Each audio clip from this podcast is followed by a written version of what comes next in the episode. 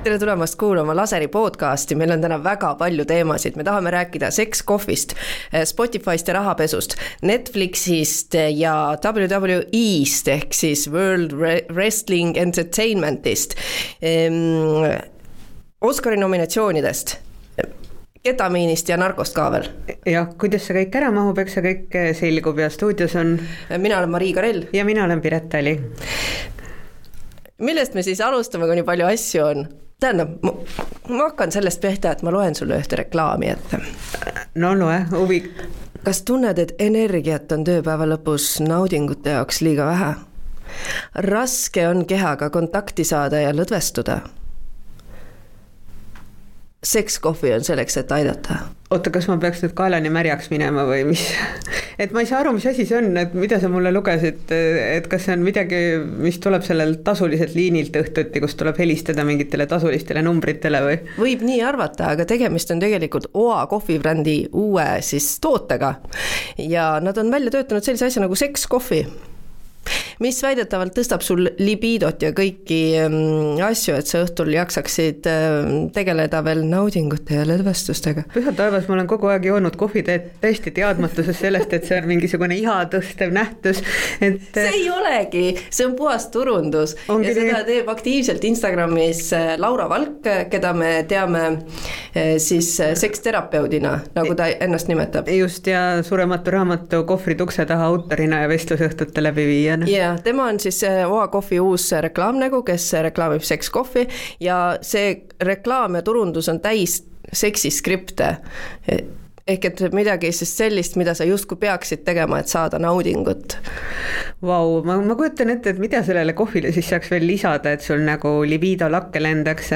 aga, aga noh, põhimõtteliselt on see väga tänuväärne nähtus, et see ei ole mingisugune mingi voodoo keemik äh,, kemikaal, vaid see on täiesti nagu lihtne, arusaadav asi.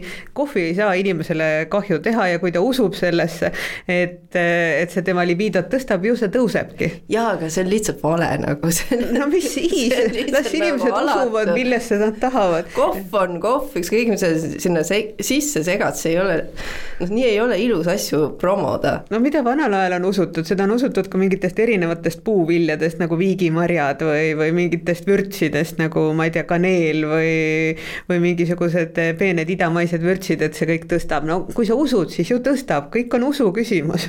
issand, kas sa mäletad seda sekskursiooni, mis meil vanalinnas oli? Oli jõulupeole ajal. Ja siis usuti, et, et kui naine võtab elusa kala ja paneb endale tuppe kas ma olen seda lugu siin podcast'is rääkinud? see on mu lemmiklugu nagu sellest, mida usutakse, et kuidas saada endale libiidot ja kuidas panna nagu mees, kes sulle meeldib, endasse arvama. nii, vanasti siis keskajal, see to tegevus toimus Eestis. Usuti... kõlvatu Tallinn oli selle tuuri nimi, kus sellist informatsiooni jagatakse, linnamuuseum ei ole mingisugune äärepealne koht täiesti teaduslik ja äh, ajaloolaste uuritud. naine võtab toore kala paneb selle tuppe. kas kala peab olema elus? elus, peab olema toores ja elus, paneb selle tuppe aga kas siis ja hakkab siis... hea ei, see ei puutu asjasse. kala siputab seal, kuniks ta ära sureb. kui kala on ära surnud, siis naine võtab selle kala tupest välja, praeb ära pannil ja söödab selle sisse mehele, keda ta tahab siis enda poole võita juhul, kui mehele maitseb kala. minul tekkis see küsimus, kui ma seda tuuri nägin, et seal ei olnud ainult, eks ole, kalad, aga et kas kala on räim, angerjas, lest ma ei ole kindel, et ajalooürikud sellest piisavalt teavad, aga ma lihtsalt mõtlen vahel, et me peaks olema sellest keskajast välja tulnud ja igast asju ei maksa uskuda, et joo kohvi, siis sul hakkab libido tõusma. ma, tahan tõesti näha, et kas Baltasar Russov kirjutas kogu selle asja oma mingisse kroonikasse või, või kust sellised teadmised pärinevad, aga aga noh, tänuväärsed teadmised minu arvates kestavad põlvest põlve ja, ja no nagu me aru saime sellest tuurilt, siis on ka lambasoole kondoomid tänapäeval ökokogukondades väga levinud, pealegi need on korduvkasutatavad lambasoole kondoomid on väga head asjad. selle töötoa ka läbisime. lambasoole kondoom käib niimoodi, et võetakse lamba pärasool, kuna selle üks ots on kinni. ei, see oli pimesool minu arvates. pimesool jah, pära-. pärasoolel on üks ots täiesti lahti, selles ma olen kindel võetakse hamba pime sool, kuna üks ots on kinni, puhastatakse see sool ära ja siis sa kasutada seda ja pärast pesed ära ja siis kasutad uuesti. minu arvates me peaksime tegema ettepaneku Laura Valgule, et ta hakkaks ka soolekondoome müüma. Muidugi mul on raske uskuda, et kõik need ehm, megabeibed nagu lisaks kohvile tahaksid ka ökokogukondlikult olla jätkusuutlikud, et hakata kasutama selliseid lambasoole kondoome, aga peab tunnistama, et kui me seal nagu erinevatele puust vallustele neid kondoome peale panime, siis nad jätsid üsna naturaalse mulje. see oli me... nagu päris, see ei olnud niisugune kummine, eks ole. jaa, just, et siis sellel hetkel ei olnud kummi leiutatud ja oligi väga naturaalne ja, ja noh, muidugi ma ei kujuta ette, mitu kasutuskorda peab üks sool vastu, aga noh, ja ilus paelake oli ka ääres, et see tundus ikkagi nagu nunnu. ja paelake ei olnud selleks, et ta nunnu oleks, vaid et ta püsiks peenise peal. ja selle lambasoole võib-olla kõige suurem probleem oli see, et kui ta ära kuivab, siis ta läheb niisuguse imelikuks nagu nahatükiks. jah, seda pidi vees hoidma, ma sain aru. aga see, et neid tänapäeval nagu ka pakendatuna müüakse, see tuli mulle nagu üllatusena, sest eh, ikkagi kõik eh, uus on ära unustatud vana aga kuidas me nüüd nagu edasi lähme nagu muude teemadena, et äh, minu arvates edasi pole minna kas, kuhugi. ei, edasi väga hästi, kas Barbi oleks kasutanud sinu arvates lambasoole kondoomi? ma arvan, et Barbi ei oleks kasutanud, sest Barbi on plastikust ja minu arvates, kui ma vaatasin selle filmi sinu nõudmisel tungivalt läbi, siis Barbil ei olnud tuppe et filmi lõpus ta alles äh, sai selle ja ta läks günekoloogi juurde, nagu ka Kenil ei olnud fallust minu arvates. oh my god, sellest tuleb teine osa ju. ma arvan, et sellest... ma loodan, et see teine osa vähemalt nomineeritakse Oscarile. ei no Barbi on ka saanud mingid nominatsioonid, aga suhteliselt äärepealsed kaheksa nominatsiooni võrreldes Oppenheimeri kolmeteistkümnega. ja kui me räägime sellest, et mis filmid üldse nagu eelmisel aastal olid olulised või mis olid märgilised, on ju, see Oppenheimer, kahtlemata väga hea film. Barbi kahtlemata väga hea film, aga märgilisem oli ju Barbi Oppenheimer oli suurepäraselt tehtud, huvitav oli, kõik oli nagu super, aga Barbi oli see, mis tekitas diskussiooni, mis tekitas äh, iha võrdsema maailma järele, kus äh, räägiti sellest, kas tegemist on feministliku filmiga ja kuidas see naiste õigusi kaitseb ja kas Barbi nagu nukuna üleüldse kas see sobib tüdrukutele mängimiseks või see tekitab mingisuguseid ebarealistlikke ootusi, et kõik peavad olema sama ilusad? no kokkuvõttes ma ei ole selle kõigega nagu sada protsenti nõus, mis sa, mis sa arvad Barbist, sest Barbi a priori ei ole feministlik nähtus. aga see, kui me räägime Oscari nominatsioonidest, on ju, siis mis juhtus Barbi filmiga, on see, et naisrežissöör Greta Gerwig ei saanud Oscari nominatsiooni. naispeaosaline Margot Robbie, kes oli ühtlasi ka kaasprodutsent, ei saanud Oscari nomi-, nominatsiooni.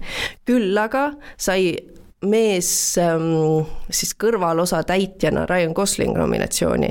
mis tekitas küsimusi, et okei okay,, aga et kui see oli märgiline film, mis oli naiste tehtud, see oli ilmselgelt selleks, et äh, naistest tõsta eneseteadlikkust ja sellest filmist räägiti, kuidas siis läks niimoodi, et nagu olulise nominatsiooni sai hoopis mees? jaa, aga minu arvates Kenny laul sai mingi muusikapala nominatsiooni et selles mõttes on, võib-olla ikkagi tuleb see teine osa mitte sellest, kuidas Barbi saab omale tuppe, vaid sellest, kuidas äh, Ken võitleb ennast nagu totaalselt nagu normaalseks, äh, noh, tõmbab ühesõnaga normiks. aga, aga noh, selles mõttes on see huvitav, sest äh, mõnes mõttes on kogu see Oscari gala, mis märtsis toimub, ju ikkagi nagu moenäitus, et seal samamoodi käsitletakse nagu erinevaid eh, trende, mis ühiskonnas on levinud, võib-olla feminism ja naisõiguslus on juba nagu väsinud, et seal nagu alati arutatakse, kui palju saab võõrkeelseid Oscareid, kui palju saab äh, siis mis rahvusest inimesi auhindu, kas kõrvalosas on piisavalt eri rahvusest inimesi, et võib-olla see naisteema ei ole enam nagu nii laes, kui ta on kunagi olnud, see ei ole enam moes. kuidas nii, aga kui Oscarid Oscaritele on kandideerinud filmid, mis äh, käsitlevad siis rasli-, rassistlikke mingisuguseid punkte maailmast, on ju, valged, mustad, siis alati antakse Oscar sellele, et näed, näed, sa juhtis tähelepanu kriitilisele kohale ühiskonnas. ja see Oscari nominatsioonide ebaõiglus äh, jäi isegi Hillary Clintonile silma ja ta postitas oma sotsiaalmeediasse äh, siis Margot Robbile ja Greta Gerwingile toetusavalduse, toetusavalduse. You are enough mis on tuntud sealt filmist, et nagu sa oled piisav, piisav, aga jah. siis see Kenni nimi on seal ees just, sa oled piisav ja no, las see Ken olla. Hillary Clintonil on jälle lootus, kui Joe Biden lusika kõrvale viskab kandideerida presidendirallile, et tahaks näha, kuidas tal sel korral läheb. no sel aastal ta ei kandideeri, ma olen aru saanud. nojah, aga võiks ju, võiks ju, et, et selles mõttes, et on, on, on jõuda see variant, et ikkagi Ameerikale jõuaks ka mingil hetkel naispresident. aga ma saan aru, et väga suur hulk naisi on ikkagi solvunud, et Barbi ei ole saanud väärikaid nominatsioone, mis on tekitanud siis vastava arutelu selle üle, et aga kellele neid Oscareid üldse vaja on, kui te õigetele ei anna, siis me ei tahagi neid. soolake sisse need endale. peab tunnistama, et ma Oppenheimerit vaadates jäin magama, tõsi küll, mitte kinos, sest see on ebaviisakas, siis võib tulla mingi ojasalaadne inimene sulle märkusi tegema. aga, aga noh, Barbi ajal ma magama ei jäänud, et see nii igav ei olnud. et aga noh, Oppenheimeris ei ole mitte midagi erilist, tahtsin ma öelda. no ta on huvitav, seda võib täitsa vaadata aga, aga nii Barbi, Barbi film on kindlasti Netflixis, ma ei tea, kuidas Oppenheimeriga praegu on, aga Netflix äh, tõsiselt pingutab selle nimel, et saada siis Oscarile nomineeritud filmid äh, esimesena äh, enda nimistusse. Ja kui siin mõni aeg tagasi räägiti, ei tea, et see on Netflix ikka, keegi enam ei viitsi vaadata ja Netflix on noh, kustumas, on ju, sina vist ka ütlesid, et sul pojad ei taha ei, vaadata. ei tunne selle vastu huvi. nii, ma luban, et nad hakkavad vaatama, sest Netflix on sõlmunud järgmiseks kümneks aastaks viie miljardi suuruse lepingu sellise grupiga nagu Tech KO Grupp ja nad hakkavad näitama World Wrestling Entertainmentit. Wow.. ja seal hakkab iga nädal olema siis äh, show, nad ei kirjuta selle kohta võitlus või midagi, on ju, seal hakkab olema siis performance äh, show ja järjepidevalt sa saad vaadata sealt uut äh, wrestling'u show'd ja selle saade, saate nimeks saab olema Raw ehk toores et põhimõtteliselt nagu veri voolab ja lüüakse lauaga pähe ja pärast selgub, et ikkagi kõik jäid ellu ja keegi ei saanud viga. jaa, ja need wrestling'u staarid, no need on megastaarid, me oleme rääkinud siin Logan Paulist, eks ole, KSI-st on ju. No kes on põhimõtteliselt ju mingil määral ise hakanud, et nad ei ole terve elu tegelenud wrestlinguga, kusjuures mina ei teagi täpselt, et kuna ma olen neid materjale väga palju vaadanud, et ma arvan, et ka, ka päris wrestlerid nagu solvuvad selle üle, see on mingi eraldi termin, pro wrestling äkki vot seda ma ei tea, selles oled sina nagu küpsem, mina saan aru, et no World Wrestling Entertainment on see, kus tehakse show'd, on ju, kus inimesed tulevad lavale, noh, mõnes mõttes lepivad kokku mingites elementides, mida nad kasutavad, et kui sa soovid lauaga peksta mind, millele on kinnitatud knopkad, et siis sa eelnevalt ütled mulle ma olen selleks valmis, võtan õla paljaks, davai, löö siia, on ju. Mm, aga mis see pro wrestling siis teistmoodi on? ei, ei pro wrestling nagu e-, eristab seda klassikalist wrestlingut, mis on noh, ikkagi sport ja olümpiaala kus ei ole nagu mingeid kokkuleppeid ja show'd, eh, sellest, mis on nii-öelda show-maadlus. et eh, ma arvan, et selles show-maadluses on ka ju põhimõtteliselt mingisuguseid siukseid eh, mitte kokku lepitud asju, sest kuidagi ja mingil moel ikkagi nad kedagi seal panevad võitma ja sa saad neid vöösid ja, ja ikkagi seal on ka kõvasti valu antud inimestele ja ükskord ma sattusin ka tõesti selle peale, millest siis see WW Worldwide, mis iganes iganes entertainment. WWE. WWE, eks ole. World Wrestling Entertainment. World Wrestling Entertainment eh,. nagu väga palju ei räägi, et noh, neid inimesi, kes on seal areenil viga saanud, on ikkagi päris palju ja need eh, videod nagu levivad ka nagu top sellest. aga sul on mingi muu asi praegu? ei, ma tahtsin sulle tutvustada nagu kuulsusi, et kui sa hakkad Netflixis seal koos poegadega vaatama, et siis sa tead, et on olemas sellised staarid nagu Stone Cold Steve Austin. John Cena ja Dwayne Johnson ehk The Rock. John Cena on väga kuulus. palun rääkige mulle nendest meestest rohkem, sest ma tõesti ei ole neist varem kuulnud, kes need on? no ma, ma tean, et nad olid juba lasteaias, kui nad mängisid John Cenat ja ta on kogu aeg olnud niisugune nagu wrestleja või? ta on olnud kuulsus, ta on olnud võitleja, ma ei tea, kas ta wrestler on olnud, aga, aga, aga et noh, kui keegi nagu hüppab liumäelt alla ja ütleb, et ta on John Cena, siis ilmselgelt on see mingi kuulsus oh my god. mina ei ole nendesse väga süvenenud. see tähendab, see tähendab seda, et Netflix tundub, et ta on teinud mingi väga kavala diili, et ta tõesti nagu jahib nooremaid, et teab, kus neid jahtida.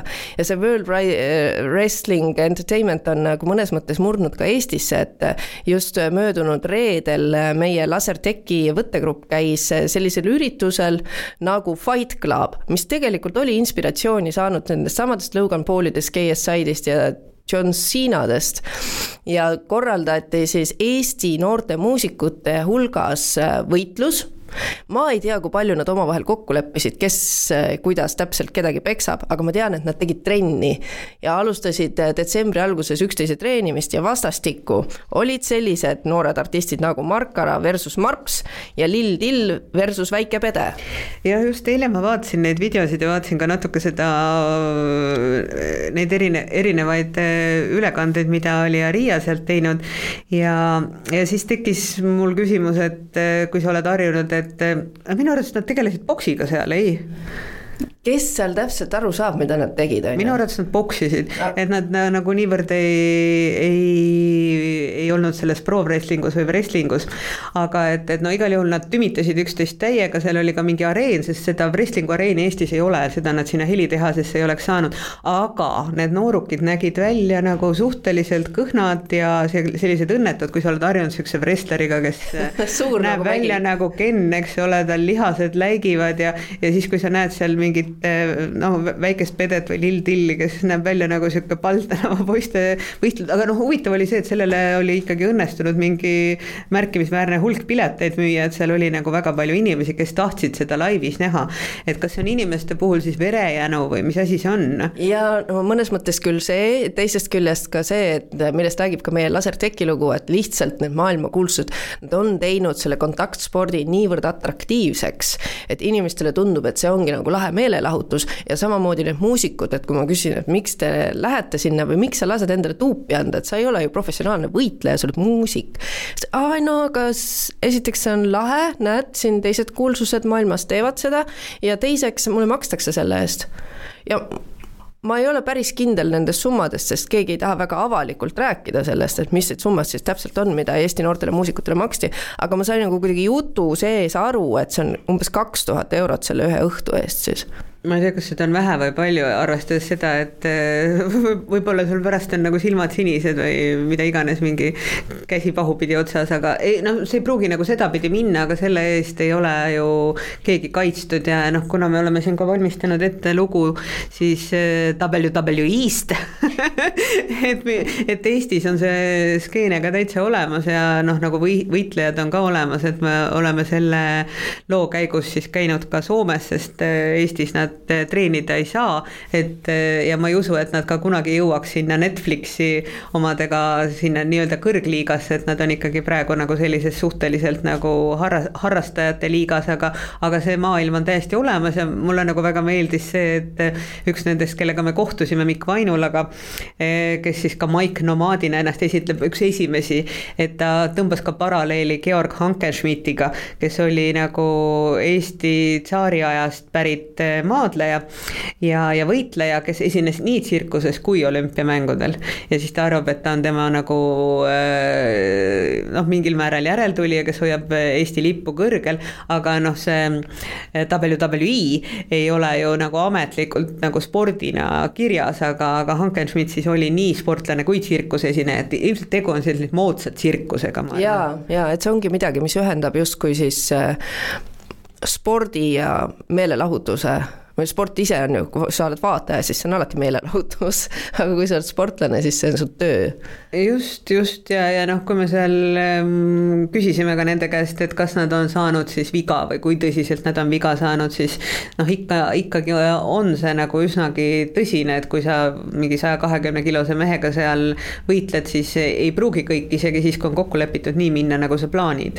üleüldiselt igasugused hoobid pähe ei ole soovitatavad ja et on teada, et Eesti Eestis nüüd lastetrennides ei lubata enam peaga võtta palli vastu, sellepärast et jalgpallis, jalgpallis ja wow., ja, ja samamoodi nad siis ka boksis ja, ja siis wrestlingus kuskil mujal, Eestis wrestlingu trenne ei ole, aga et boksis nad vaatavad seda, et lapsed ei saaks hoope pähe, sest et äh, see tekitab äh, ikkagi ajule väga suure kahjustuse ja on tehtud äh, teadusuuring, kus on selgunud, et märkimisväärne protsent kontaktsportlasi põeb pärast ajukahjustust konkreetselt, nad võivad saada sealt kas vähi või siis neil on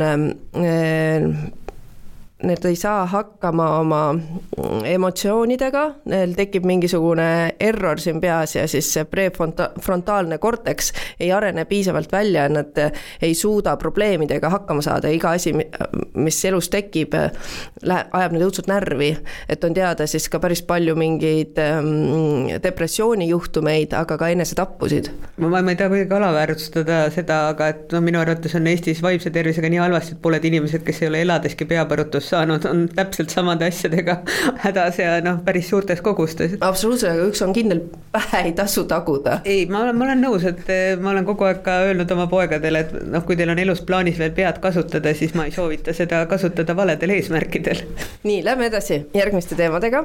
ja mis, mis, mis on siis aa, oota, ma tahtsin Netflix, Netflixi kohta tahtsin veel seda ka öelda, et lisaks sellele, et nad on siis teinud kavala käigu World Wrestling Entertainmenti lepingu osas, nad vaatasid ümber kõik oma hmm, kasutaja settingud ja mingil hetkel eh, ka meie oma peres avastasime, et eh, näed, et eh, me ei saagi kõik sedasama kontot justkui enam kasutada, et me peaks ennast kõik ühele aadressile registreerima, aga tõepoolest ma ämmaga koos ei ela ja siis oligi, et aga kuhu me siis ennast regi-, registreerime, kas tema meie juurde või meie tema juurde, et saaks seda Netflixi kõik koos kasutada.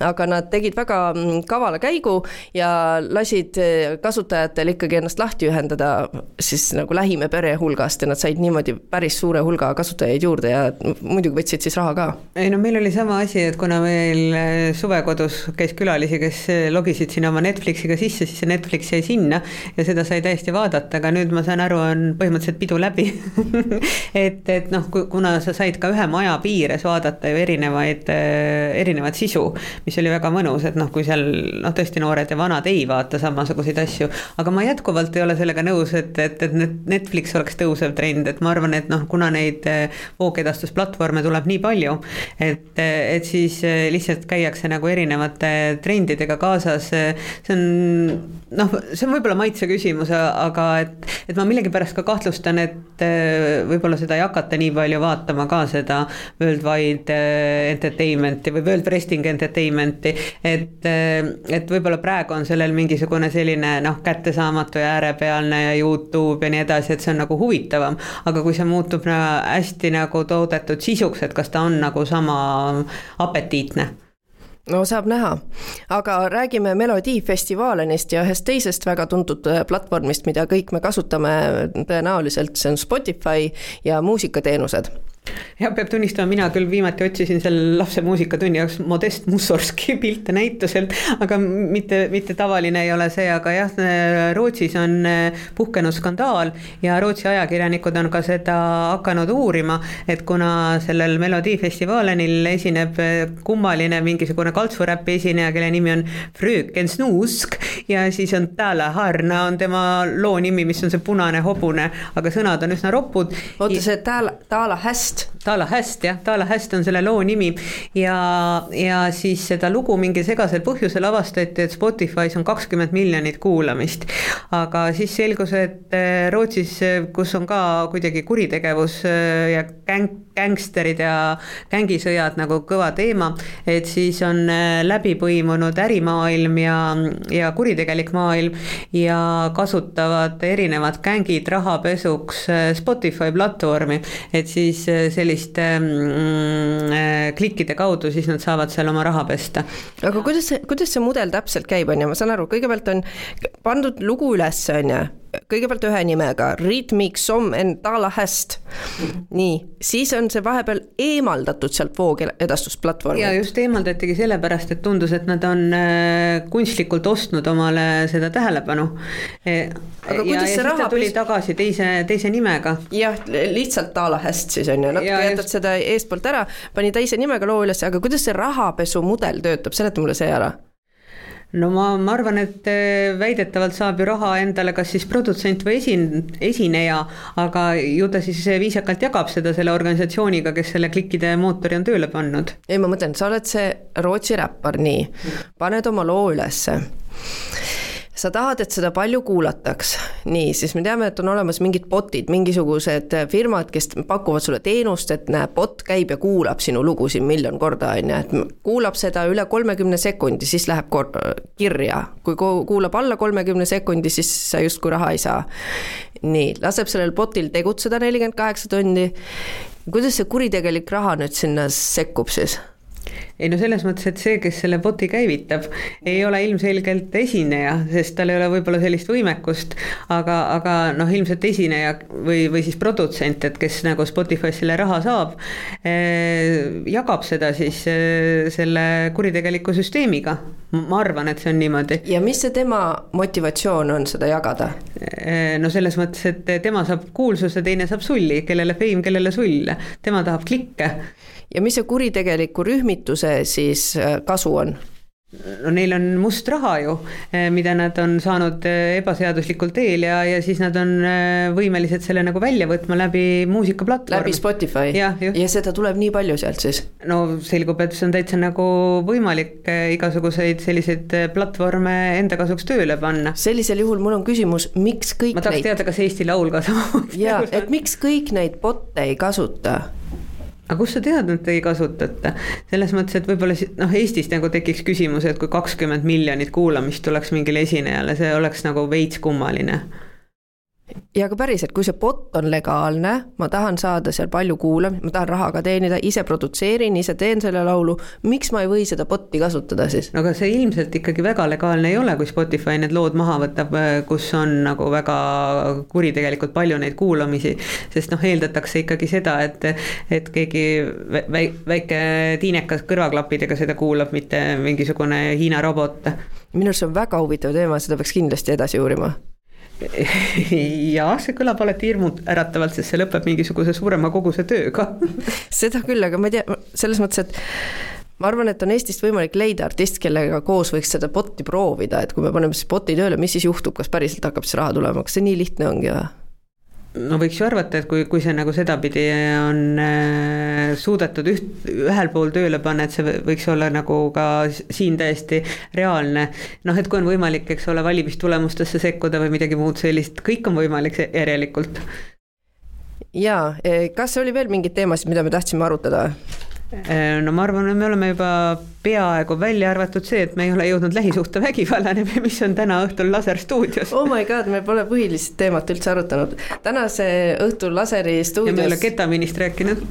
jah täna õhtul Laserstuudios, jah. täna õhtul Laseri stuudios äh, räägime me lähisuhtevägivallast ja et see on, meil tuleb külla üks äh, naine, keda elukaaslane aastaid väärkohtles ja ühel hetkel lihtsalt naisel viskas üle ja ta ründas kalanoaga meest vastu ja mehel oli käsi verine, äh, tuli politsei, võttis naise kinni, viis vangi.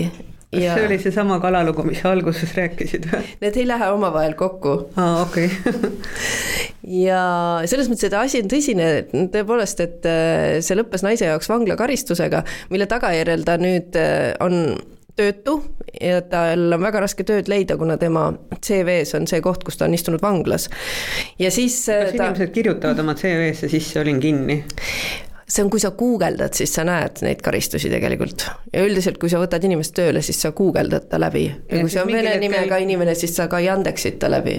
ja siis on mingi, ma arvan, et see karistusregistris ja mingil hetkel need karistused kustuvad ära ka. jah, aga kümne aasta pärast, et see tegelikult nagu lähisuht-, lähiajast sa näed neid karistusi. ja mistõttu ta asus raha teenima OnlyFansiga ja mille peale me saime siis väga palju kurjasid kommentaare pärast seda, kui me olime oma laserisaate promo üles pannud ja seal seesama Jeanette räägib oma lugu ja sellele hakkas tulema kommentaare alla, et kuule, et mis asja, et sul on OnlyFansi konto, et muidugi, et kui sa näitad ise nagu vabatahtlikult oma valjast keha, et siis sulle peabki peksa andma.